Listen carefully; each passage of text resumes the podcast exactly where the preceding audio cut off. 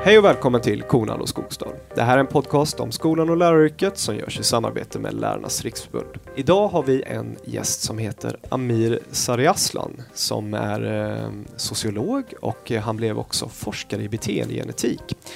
Han doktorerade i epidemiologi vid Karolinska institutet och har bland annat forskat vid Oxfords universitet. Nu är han senior forskare på den samhällsvetenskapliga fakulteten vid Helsingfors universitet. Utöver det är han även en flitig skribent i frågor som rör beteendegenetik och vad vi i skolan kan lära oss av det forskningsfältet. Så jag tycker vi börjar med den här frågan. Amir, om du själv får beskriva, vad är egentligen beteendegenetik? Det är en väldigt bra fråga och eh, det är ju Alltså själva namnet är, på fältet är ju någonting som jag inte tycker om överhuvudtaget. Eh, dels så blir det allt för stort fokus på genetiken och dels så kan man ju tillämpa metoderna inom fältet på en rad olika typer av utfall och inte bara beteenden. Så det används ju till exempel för att mäta ärftligheten för eh, ja, fysiska attribut, alltifrån kroppslängd och BMI och massa annat också. Vad skulle du vilja kalla ditt fält? Det är en bra fråga som jag har funderat väldigt mycket på men som jag inte har något bra svar kring. Men det behövs faktiskt en eh, ändring, tycker jag.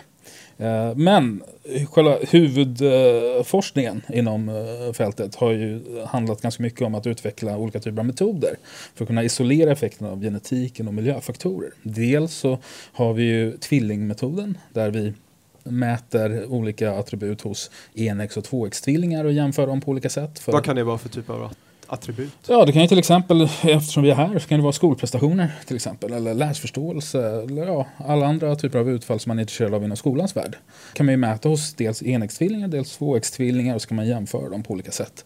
Och eh, genom olika typer av matematiska formler så kan man ju räkna ut då olika modellantaganden kan vi då räkna ut hur pass stor andel av variationen, alltså de individuella skillnaderna som man observerar i det här utfallet mellan enäggs och tvåäggstvillingar. Och då kan man se hur, hur pass mycket av de här skillnaderna kan man tillskriva dels eh, genetiska faktorer, dels delade miljöfaktorer inom familjen. Det är samtliga icke-genetiska faktorer inom familjen som gör två barn mer lika varandra i termer av utfallet av intresse.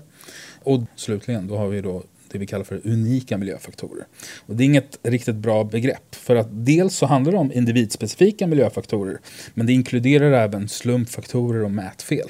Mm. Så att eh, de här tre olika källorna av eh, förklaringsfaktorer kan man ju då mäta genom den här tvillingmodellen. Innebär det att om vi nu hade fått tvillingar, vilket jag inte har fått, så skulle ni ha stått på kö alla ni forskare och velat haft en massa uppgifter om mina barn? Ja, det har vi. För i Sverige har vi till exempel det svenska tvillingregistret. Där eh, vi har hundratusentals individer eh, som är tvillingar. Där, där vi har information om deras zygositet. Alltså om de är enäggstvillingar eller tvåäggstvillingar som vi då kan använda för att eh, studera olika typer av attribut och hur pass ärftliga de är och hur de relaterar till varandra och hur pass mycket av överlappen mellan olika typer av attribut som förklaras av dels genetiska faktorer, dels miljöfaktorer. Får man själv välja om man har tvillingar om man ska ingå i det här eh, registret? Ja, ja. Eh, dels så har vi ju olika typer av surveyundersökningar som skickas till ja, familjer som har tvillingar då. Och de allra flesta brukar vara väldigt intresserade av att delta och bidra till den här forskningen. Hur länge har man haft det här registret då? Väldigt länge. ja, okay. Men du, du har ju publicerat flera studier. Vad, yes. Vilka områden har du varit inne och forskat på eh, i, med exempelvis tvillingstudier? Ja, alltså, jag jobbar ju med hela eh, populationsdata kan man ju då säga. Så mm. jag är mm. inte bara intresserad av tvillingar ja, utan nej. även eh, hela halvsyskon och kusiner och massa annat. Det jag fokuserar främst på, mitt primära forskningsintresse handlar om att uh, försöka förstå orsaker och konsekvenser av psykiatrisk sjuklighet och uh, våldsbrottslighet. Mm. På tal om eh, forskningsmetoder så har du varit väldigt eh, starkt kritisk mot eh, bland annat forskningsmetoder i flera forskningsfält, varav yes. kriminologi har uppmärksammats mycket. Mm. Men du har även varit kritisk mot eh, pedagogik, mm. alltså pedagogisk forskning. Om du ska sammanfatta lite, vad, vad är liksom kärnan i din kritik och var, varför är de metoder som är vanliga inom exempelvis då pedagogiken, varför är du kritisk mot dem? För att de inte är särskilt informativa. På vilket sätt då? Ja, eh, de, det man gör är att man framförallt fokuserar på olika, alltså man, man tillämpar olika metoder som är väldigt bra för att eh, mäta korrelationer mellan olika fenomen. Alltså hur pass starkt eller svagt någonting samvarierar med någonting annat. Men det säger oss ingenting om orsaksmekanismerna. Är det som så, till exempel eh, om man är intresserad av att mäta socioekonomisk status så kan man ju mäta hur bra eller dåligt det går för elever i olika typer av bostadsområden. Men det säger oss ingenting om huruvida det är bostadsområdet i sig som orsakar de här skillnaderna. Eller om det beror, alltså att de här observerade skillnaderna som man ändå ser, om det beror på det faktum att uh, olika typer av familjer bosätter sig på olika platser. Och att det är liksom en, det vi kallar för en kompositionseffekt. Alltså att det beror på de familjer som bor där snarare än själva bostadsområdet. För om det hade varit som så att det var själva bostadsområdet som hade orsakat de här skillnaderna, då skulle vi ju se till exempel att eh, om familjerna flyttar mellan olika typer av bostadsområden, då skulle vi se en skillnad i hur väl eller hur dåligt deras barn presterar. Och eh, sådana studier har man inte genomfört särskilt mycket. Däremot så har vi genomfört sådana studier för, på andra områden. Till exempel kriminalitetsområdet, psykiatrisk sjuklighet och massa annat som jag är intresserad av. Och där så ser vi inga större skillnader för familjer som flyttar mellan olika typer av bostadsområden där föräldrarna tjänar olika mycket etc. Så att eh, det, det, man kan se där är alltså att det finns en korrelation, vilket många av de här pedagogiska studierna visar. Men kausalitetsfrågan är svårare att bevisa. Mm. På tal om kriminalitet, och man kan ju faktiskt göra en koppling till skolan där. För mm. så sent som igår så läste jag i Polistidningen, vilket är Polisförbundets fack, eh, ja, den fackliga tidningen de ger ut och då var det en intervju med en eh, kriminalkommissarie där som eh, återigen då, för jag har hört det många gånger tidigare, att skolan är det enskilt viktigaste för att säkerställa att en individ inte hamnar i utanförskap eller väljer en kriminell väg i livet. Och han sa det att det är klart vi behöver repressiva åtgärder som ja, hårda straff och sånt. Men på 20-30 års sikt så behöver man sociala interventioner som satsningar på då skola. Och jag hör detta gång på gång att godkänna betyg är det bästa vaccinet mot ett kriminellt liv. Stämmer det? Ja, de som, eh, de som uttalar sig eh, i sådana termer har ju eh, bevisbördan på sig.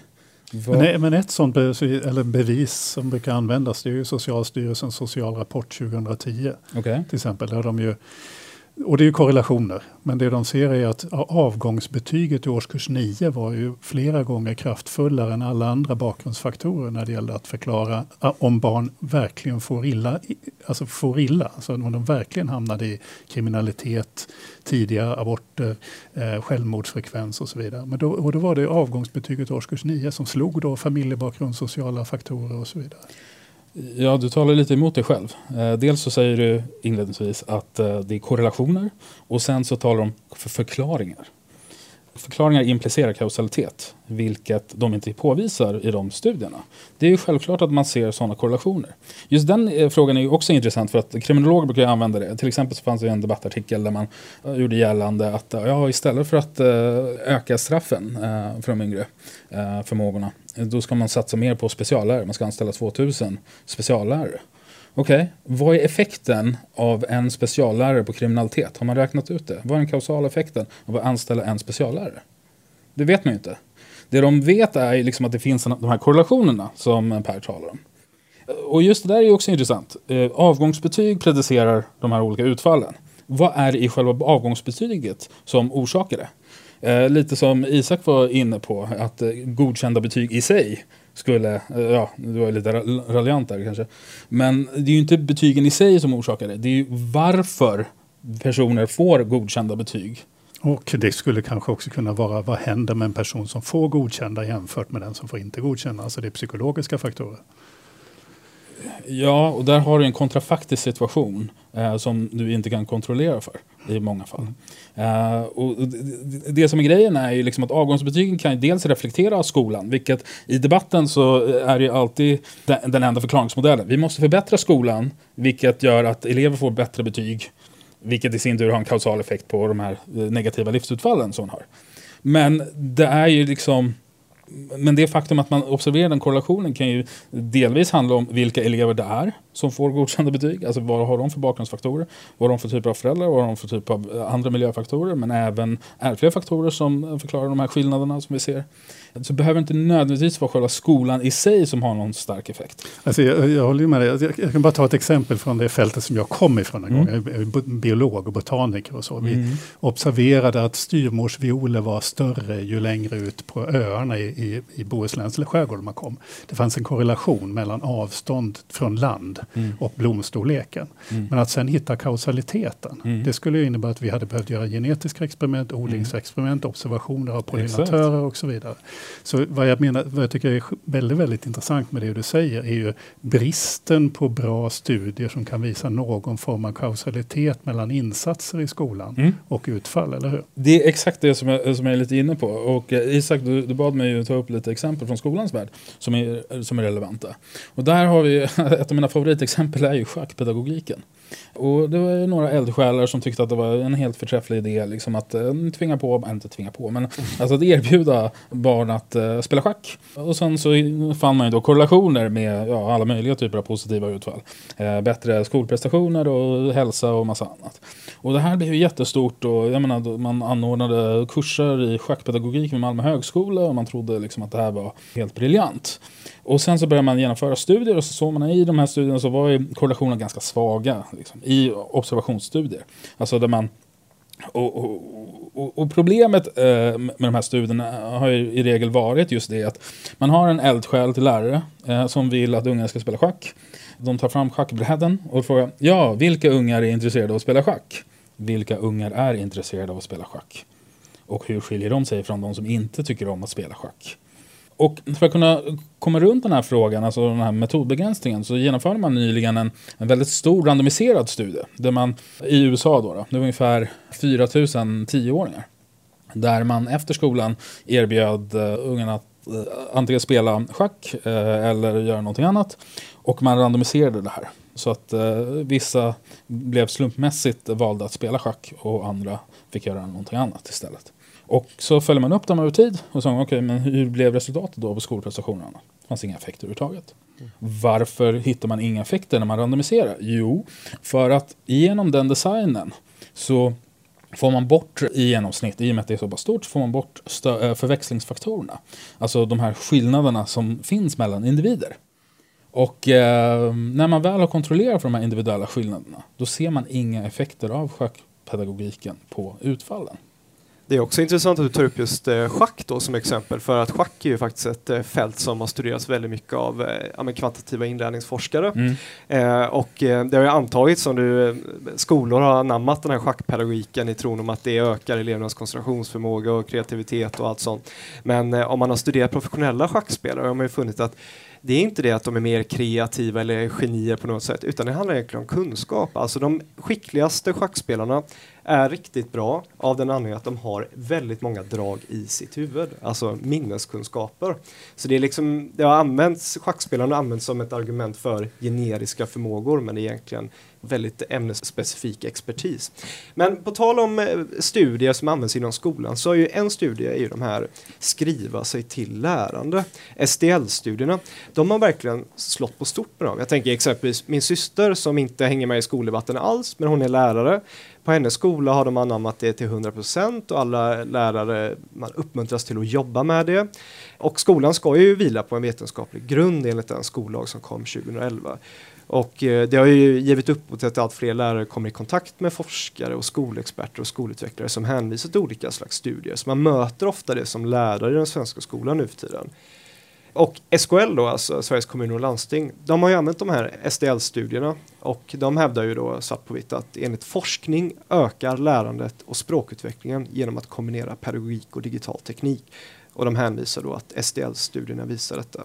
Men du däremot, du menar att de håller låg nivå eller kvalitet. Och, men hur ska man som lärare kunna veta det? Och, eller varför, är, om vi börjar med det, varför är de dåliga SDL-studierna?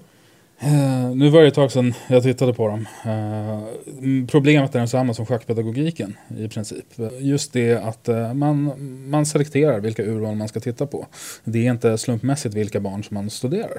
De som blir exponerade för den här typen av ny pedagogik, de skiljer sig troligtvis åt på en mängd olika punkter från de som inte får samma exponering. Och då är det lite som att blanda äpplen och päron. Liksom. Så att det går inte att säga, i och med att de har identifierat någon typ av korrelation, den verkar inte vara alltför stark, men de hittar en korrelation. Och så menar man ju då att ja, men det här tyder på en positiv effekt, vilket är också ett kausalt språkbruk mm. som, inte är, som inte lämpar sig till den här typen av undersökningar. Och eh, man har då inte genomfört ordentliga studier på området. Man har inte randomiserat, man har inte genomfört några kvasexperimentella designer. Man har inte gjort någonting för att undersöka själva kausalitetsfrågan. Så man vet alltså inte baserat på de här studierna att det leder till bättre kunskapsresultat? Jag har inte sett eh, någon studie som har eh, haft en stark forskningsdesign som eh, påvisar det. Men är det inte då anmärkningsvärt att SKL av alla hävdar så starkt att det är belagt i forskning. Alltså det är, de flesta lärare tror väl på vad SKL säger gällande forskningsläget. Ja, men då skulle du bli väldigt förvånad för att det här gäller inte bara SKL utan alla andra möjliga aktörer inom alla möjliga områden som bygger liksom eh, ett resonemang kring vetenskaplighet som inte är alltför starkt. För att är det vetenskapliga studier? Ja, i den mån de har publicerat det i PR-granskade tidskrifter. Då, det, och, och liksom att de har en del forskningsdesigner som är rimliga för att undersöka korrelationsfrågan. Mm. Däremot så är det ju liksom inget uttömmande svar på kausalitetsfrågan. Nej. Barbro Westlund som är universitetslektor har skrivit mycket om eh, läsinlärning. Hon eh, i sin bok, om jag minns rätt, kritiserar STL-studien. Hon menar att det, alltså den positiva effekten de finner kan möjligtvis förklaras av Harttorn-effekten. Är det någon... Vad är Hartron-effekten? Ja, det innebär väl det lite var inne på med eldsjälar och sånt, allting nytt och sånt, man satsar väldigt mycket. Eller kan du förklara, vad är det? För det kanske är viktigt att veta i skolans värld. Eh, ja, alltså det är lite det som jag har varit inne på. Alltså, jag menar ju, eh, jag talar om det mer generellt som selektionseffekter. Alltså vilka elever är det som Eh, som man undersöker. Vilka är de som anordnar det? Har det någon, någon form av effekt? Eh, ja eller nej? Ehm, kausalt sett. Och det har det ju inte. För att, eh, för att man ska undersöka det här ordentligt så behövs det enorma datamaterial. Man behöver undersöka det i flera olika typer av klassrum. Man behöver randomisera exponeringen. Man måste ha olika typer av lärare för att få bort de här skillnaderna i dels lärareffekter och dels eleveffekter. Jag tänkte på, för det säger du, det här är ju jättesvårt.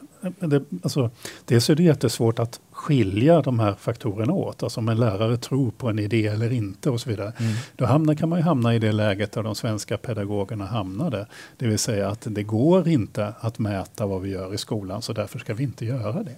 Ja, det där hör man ganska ofta och, och det, är, eh, ganska roligt tycker jag. För att det argumentet är ju lite så här, ja men varje relation mellan läraren och eleven är unik. Och därför går det inte att säga någonting åt det. Ja, då brukar jag svara, ja, ja varje relation mellan cancerläkaren och patienten är också unik. Men i genomsnitt så vet vi att det finns en effekt av cellgiftsbehandling. Så att eh, det, det, det, är klart. Eh. Jag, jag tycker ju att, att, ehm, för mig var det en ganska stor befrielse rent personligen när jag stött kom i kontakt med då internationell forskning. Och det var framförallt då i, i den här John Hatties berömda På skolans metastudie.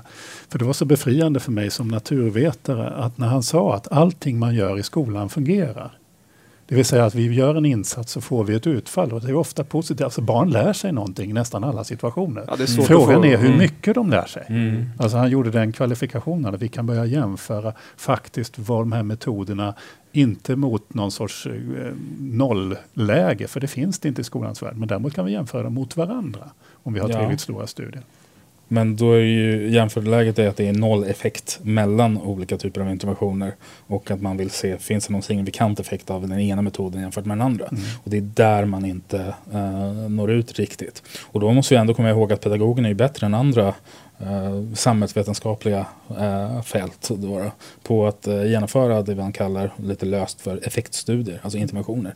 Menar och, du i Sverige eller internationellt? Ja, i Sverige. Eh, det finns ju en 2010 Socialstyrelserapport. Knut Sundell. Eh, ja, mm. precis. Men där är det ju, måste ju inflika där, mm. alltså mindre äh, sämre än andra om man säger så. Det Precis. de ser där är att de är jätte, jättedåliga på ja, effektstudier. Ja. Exakt. Och till och med det tyder ju på att pedagogerna är något bättre men att deras nivå inte håller. Och det är det som jag kritiserar i regel. Det har ju lite i debatten varje gång jag uttalar mig om de här frågorna så, så är det ju lite som så att folk tror att jag har någonting emot samhällsvetenskaplig, eh, samhällsvetenskaplig forskning. Vilket är intressant med tanke på vad jag jobbar nu, nu för tiden. Uh, utan alltså min kritik är ju metodologisk. Alltså jag riktar ju lika mycket kritik inom mitt eget fält, alltså epidemiologi. Som bygger ju då på ja, forskningsdesigner för att kunna uttala sig om kausalitetsfrågor. För många studier där är ju, uh, har ju samma typ av kvalitet som de här uh, studierna som du på. Precis. Och där så ser vi ju de här korrelationsövningarna. Och det ett bra exempel på det är ju Eh, som vi brukar ta upp, är, eh, från, i början av 90-talet eh, så var det väldigt många som trodde att E-vitamintillskott hade en väldigt stark effekt på hjärt-kärlsjukdomar.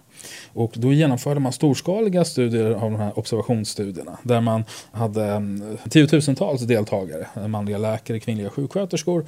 Eh, man, eh, man justerade för en mängd olika förväxlingsfaktorer som man hade i uppgifterna inkomster och livsstilar och massa annat. Och eh, där så såg man genomgående att det fanns en väldigt stark effekt. Så när man hade frågat dem, är det som så att du käkar E-vitamintillskott, ja eller nej? Så hade de som svarat ja, de hade ungefär en 40% reduktion i deras risker att utveckla hjärt-kärlsjukdomar. Sen gick det ett tag och eh, man började genomföra randomiserade studier där man slumpmässigt gav eh, deltagarna E-vitamintillskott och slumpmässigt sockerpiller.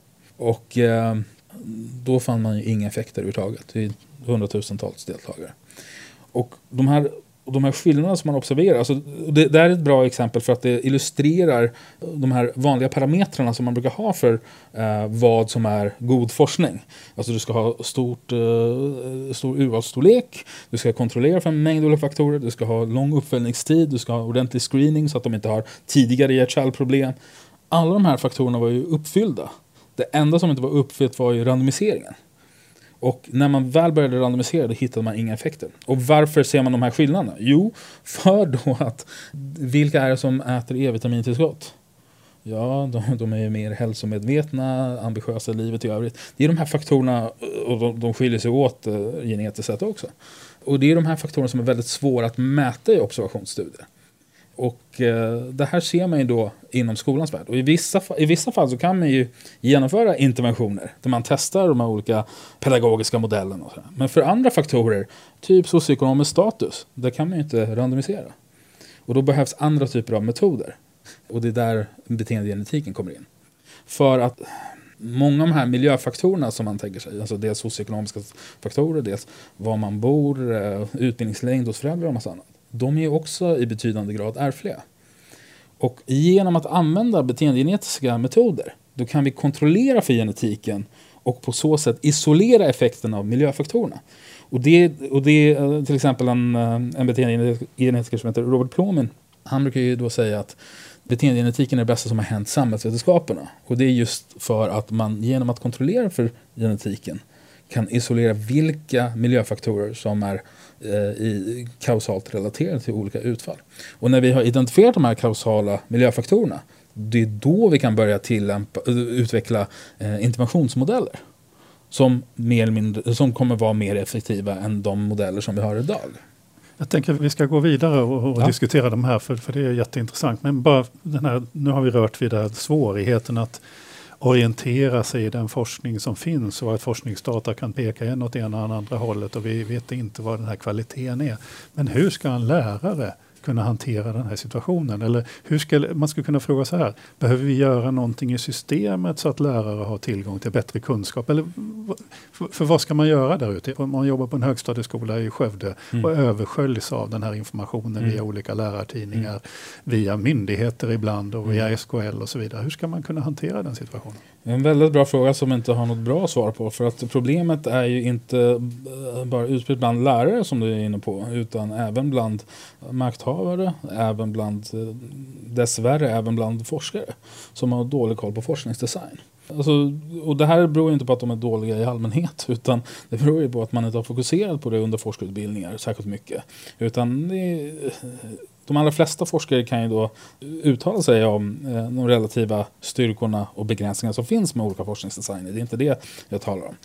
Jag menar i eh, praktiska arbetet och hur man väl genomför studier och hur, hur pass lite man fokuserar på kausal inferens. Eh, och i och med att majoriteten, över 90 procent av all forskning, är ju korrelationsbaserad och det finns här trycket för att folk ska publicera.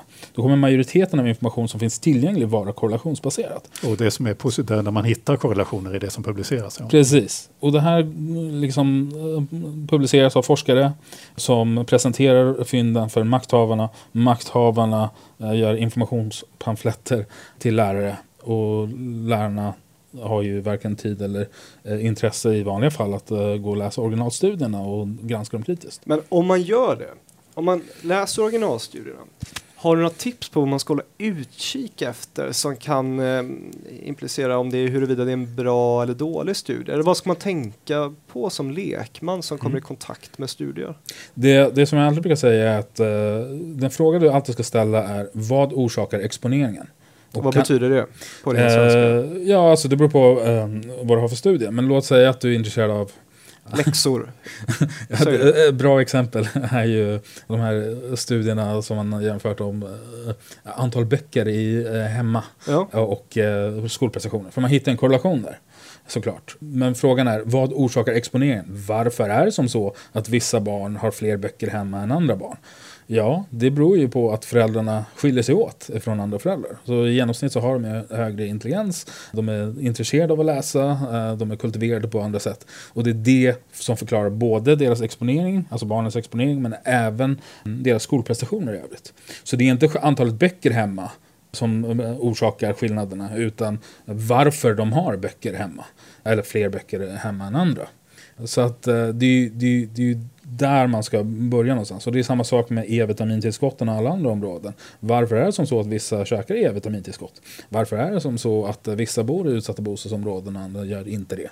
Det är den frågan, de frågorna som man måste ställa. Och eh, är det som så att orsakerna till exponeringen orsakar även utfallet och forskarna inte har kontrollerat för de faktorerna på ett rimligt sätt då har, har det att göra med en korrelationsstudie som inte säger särskilt mycket om orsaksmekanismer. Men, men borde, borde vi då ha någon sorts säga, någon myndighet, borde Skolverket ha i uppdrag att bara se till att den forskning som de levererar ut till lärare är av hög kvalitet, att man har verkligen djupa kunskaper om forskningsmetodik på de här myndigheterna som är i olika sfärer. Och vi, vi pratar ju skola här så då blir Skolverket den naturliga mm. punkten. Mm.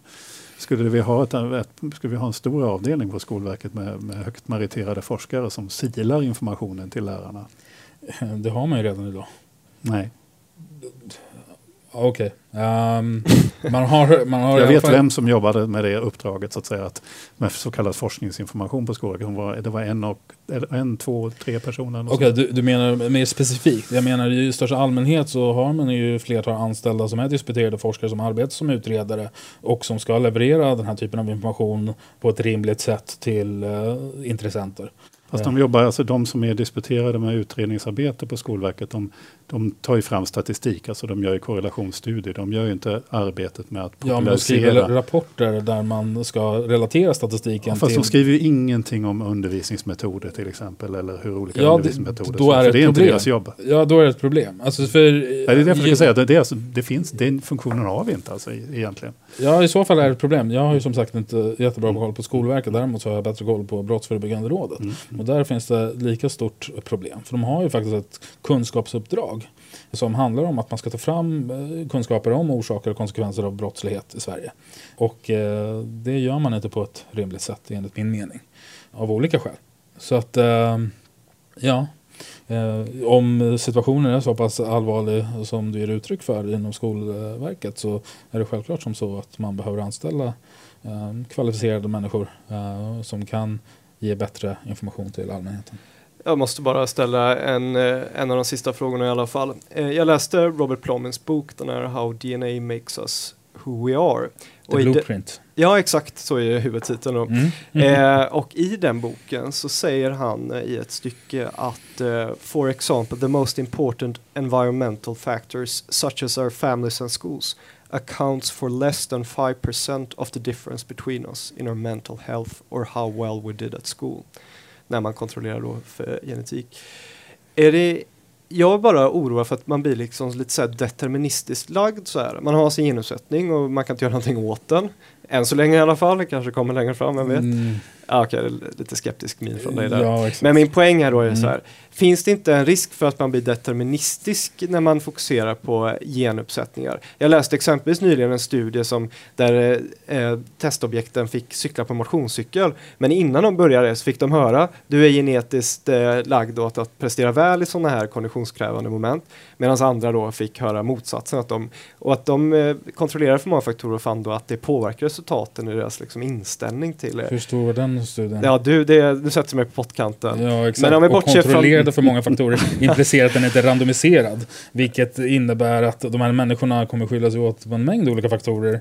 Och men vi släpper det och fokuserar på, finns det inte en risk för, att, eh, för determinism här? Risk finns det, men det beror ju på att man inte förstår eh, det man läser dem. Eh, och det, det, som är eh, kruxet där är ju att ärftligheten för skolprestationer och en eh, massa annat är ju eh, väldigt starkt. Alltså över hälften av variationen som man observerar i skolprestationer tillskrivs ju ärftliga faktorer. Och vad betyder det konkret? Hälften av variationen, alltså hur bra man är i skolan, hälften avgörs av ens genuppsättning? Eh, nej, för nu så talar du om en enskild individ, utan det här är ju någonting som man mäter på populationsnivån. Mm. Så att du har, som jag sa, man mäter egenskapen, alltså skolprestationer, hos enäggstvillingar och sen hos tvåäggstvillingar. Man jämför dem på olika sätt. Man, man har ingen information om själva, man har ju det i andra studier, men i, i tvillingmodeller så har man ingen, ingen genetisk information om individerna, man har ingen miljömässig information heller. Utan man, det bygger på olika typer av antaganden. Sen numera så har man eh, molekylärgenetiska studier där man har identifierat genvarianter som är associerade med skolprestationer. Och sånt. Eh. Patrik Lindenfors i, i, i, en bok som, som jag tycker är skitbra. Ja. Det kulturella, det kulturella djuret. djuret av Patrik Lindenfors. Ja. För han för ju också resonemang kring det här och säger ju precis som du att över hälften är då den eh, ärftliga komponenten i de här populationsstudierna. Mm. Men så menar han sen att hemmet har den lilla delen av miljödelen. Exakt. att den stora delen är samhället. Och han mm. vänder ju på resonemanget och säger att det är ett ganska gott starkt stöd för de som vill bygga ett gott samhälle. Ja, du har varit lite inne på det och eh, i termer av flynneffekt och, och massa annat. Alltså flynneffekten är ju då eh, den här eh, tendensen att IQ stiger? Ja, eh, problemet eh, med det argumentet är ju att IQ har ju minskat de senaste åren. I Norden? Eh, inte bara. Okay. Eh, ja, det finns systematiska översikter mm. från mitten av 2000-talet mm. som pekar på att det är fler länder. Men det är eh, länder som man har tittat på i västvärlden i alla mm. fall. Mm. Och eh, då, dels så har man ju då argumenterat för att ja, men det här kan ju ha en genetisk förklaringsmodell. Alltså att det är föräldrar med i genomsnitt lägre intelligens som skaffar fler barn. Vilket förklarar förklarar då den här nedgången. Men eh, häromåret så publicerades en eh, norsk totalpopulationsstudie där man hade jämfört eh, personer som hade mönstrat. Där man gör då IQ-tester där. Eh, och man hade jämfört syskon eller bröder med varandra. Och då såg man att även inom familjer där man hade kontrollerat för eh, den tidiga uppväxten och hälften av de genetiska skillnaderna som delas mellan bröderna efter kontroll för det så hittar man fortfarande effekter. Så det verkar vara någon miljöeffekt där också. Mm. Potentiellt. Ja, och så. där har vi ju Torkel Klingberg som menar att det kanske är datorernas fel. Eh, ja, det tror vi kanske är andra som tänker alltså att, att när skolsystemet blir mindre utmanande, de har en annan typ av pedagogik, ja. så förändrar det hur mycket man är utsatt för, för och så vidare. Och så vidare. Men det, vi vet ju ingenting om det här. Nej, Nej men det måste man ju undersöka ordentligt. För att det är inte helt slumpmässigt vilka barn som får en massa eh, IT-produkter uh, upptryckt i ansiktet dygnet runt uh, jämfört med andra. Så att det, visst, alltså det, det är en hypotes. Och den kan vara mycket väl vara rimlig. Men man måste undersöka det ordentligt. Vilket man sällan gör. Många frågor kvarstår men tiden har tyvärr runnit ut. Och jag vill tacka dig så mycket Amir för Tack att du besökte att oss. Stanna kvar för nu kommer ett eftersnack mellan oss andra. Tack. Ja, tack. Okej Per, nu har vi haft Amira som besök och eh, ja, spontan tanke? Ja, lite frustrerande för man skulle vilja prata i flera timmar för att liksom komma ner i botten. För, för det han pratar är ju komplex materia. Så är det. Och forskning är ju komplext. Och det är ju det som är kanske lite grann skapar det här problemet för oss och i skolvärlden och sånt. Att det blir förenklade sanningar som sprids väldigt snabbt. Mm. Det var ju jag som eh, snokade reda på Amir och att ha någon som gäst och jag funderar ganska mycket, undrar hur Per kommer reagera? För att för många är ju det, det fält som Amir företräder och forskar inom väldigt kontroversiellt för det ifrågasätter exempelvis många etablerade teser om huruvida socioekonomi och sånt är det viktigaste och sånt.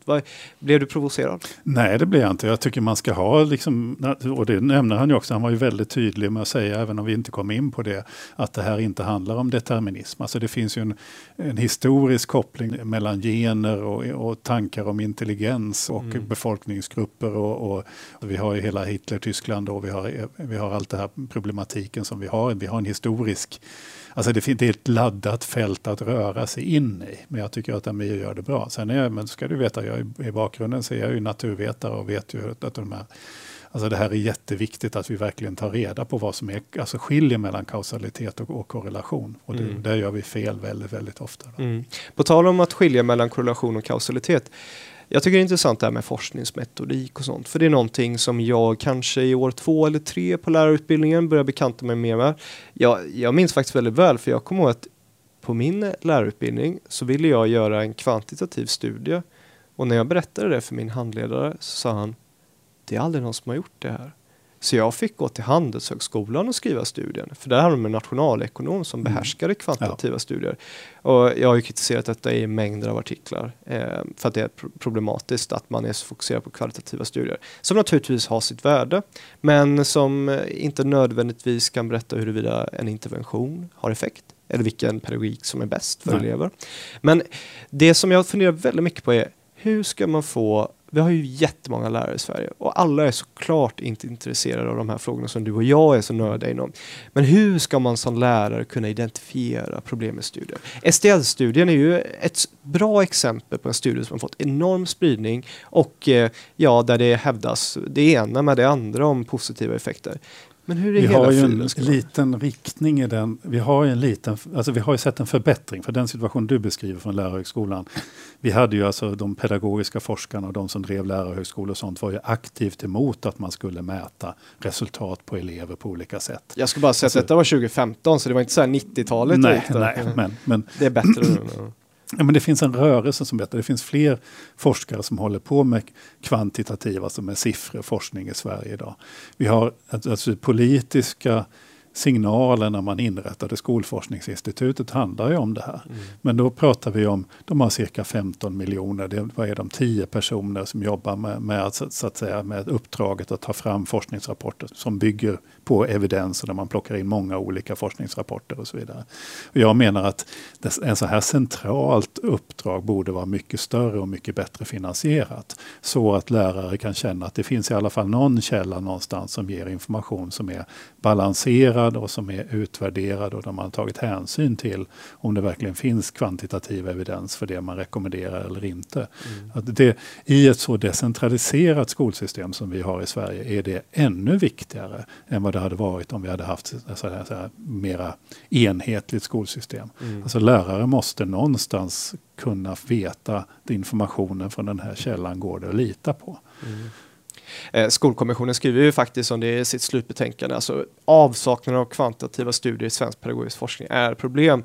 Eh, men i min bok hittar jag, skriver jag också om studier som visar att Eh, RCT-studier i svensk pedagogisk forskning faktiskt har ökat på senare år, mm. om än från en väldigt låg nivå. Men faktum är att det har ökat mer i Sverige än våra nordiska grannländer, så vi kanske kan skönja en positiv utveckling. Men jag tänkte på en sak, vi, du berörde ju lite om Hattie i samtalet med eh, Amir mm. och eh, du tog upp en väldigt viktig poäng att eh, i princip alla studier som är relaterade till skolan har positiva effekter. Och det låter ju kanske konstigt för, för ett otränat öra så att säga. Men eh, om man tänker efter, det är ju väldigt svårt, kanske nästan omöjligt, i alla fall i klassrummet, att få elever att lära sig mindre, alltså ja. gå minus på det, det kunskapskontot. Eh, det vill säga, det är därför, jag menar, det finns ju exempel på studier som visar att om elever skriver med röda pennor så lär de sig ja. mer och sånt. Och jag tror att detta är extremt viktigt för lärare att känna till, ja. att i princip alla studier, och det, speciellt de som är faktiskt publicerade då, för som forskare vill man ju publicera positiva resultat, eh, visar positiva effekter. Så när man då approcheras av någon forskare eller någon utvecklare i skolverksamhet som säger det här har bevisat har positiva effekter. Då, säger, då kanske man ska ha en instinkt som säger ja, men i princip allt som är relaterat till undervisning och sånt har ju en positiv effekt. Det viktiga är ju inte huruvida det är bra eller dålig effekt, utan hur bra är effekten? Ja. Och det här det... gäller ju sånt här med träning, alltså pulsträning och sånt där som också utlovas magiska effekter. Ja. Men när man gör stora studier av det så finns det kanske ibland i vissa studier en viss positiv effekt, men oftast är det nästan ingenting. Det, för, det barn lär sig av det är att bli utsatta för det de ska lära sig. Ja, och frågan man ska ställa vad är mest effektivt alltså? Jag, jag, jag, ser ett diagram framför mig som en forskare visade för mig, där man har gjort en slags eh, en linje över hur effektiva interventioner är kopplade till kostnad. Mm. Och där kunde man exempelvis visa att det är jättebra att ha eh, extra lärare i klassrummet och det är positivt att ha mindre klasser. Men det är ganska dyra interventioner. Men däremot en intervention som var också väldigt positiv effekt men som var billig det var fler läxor exempelvis.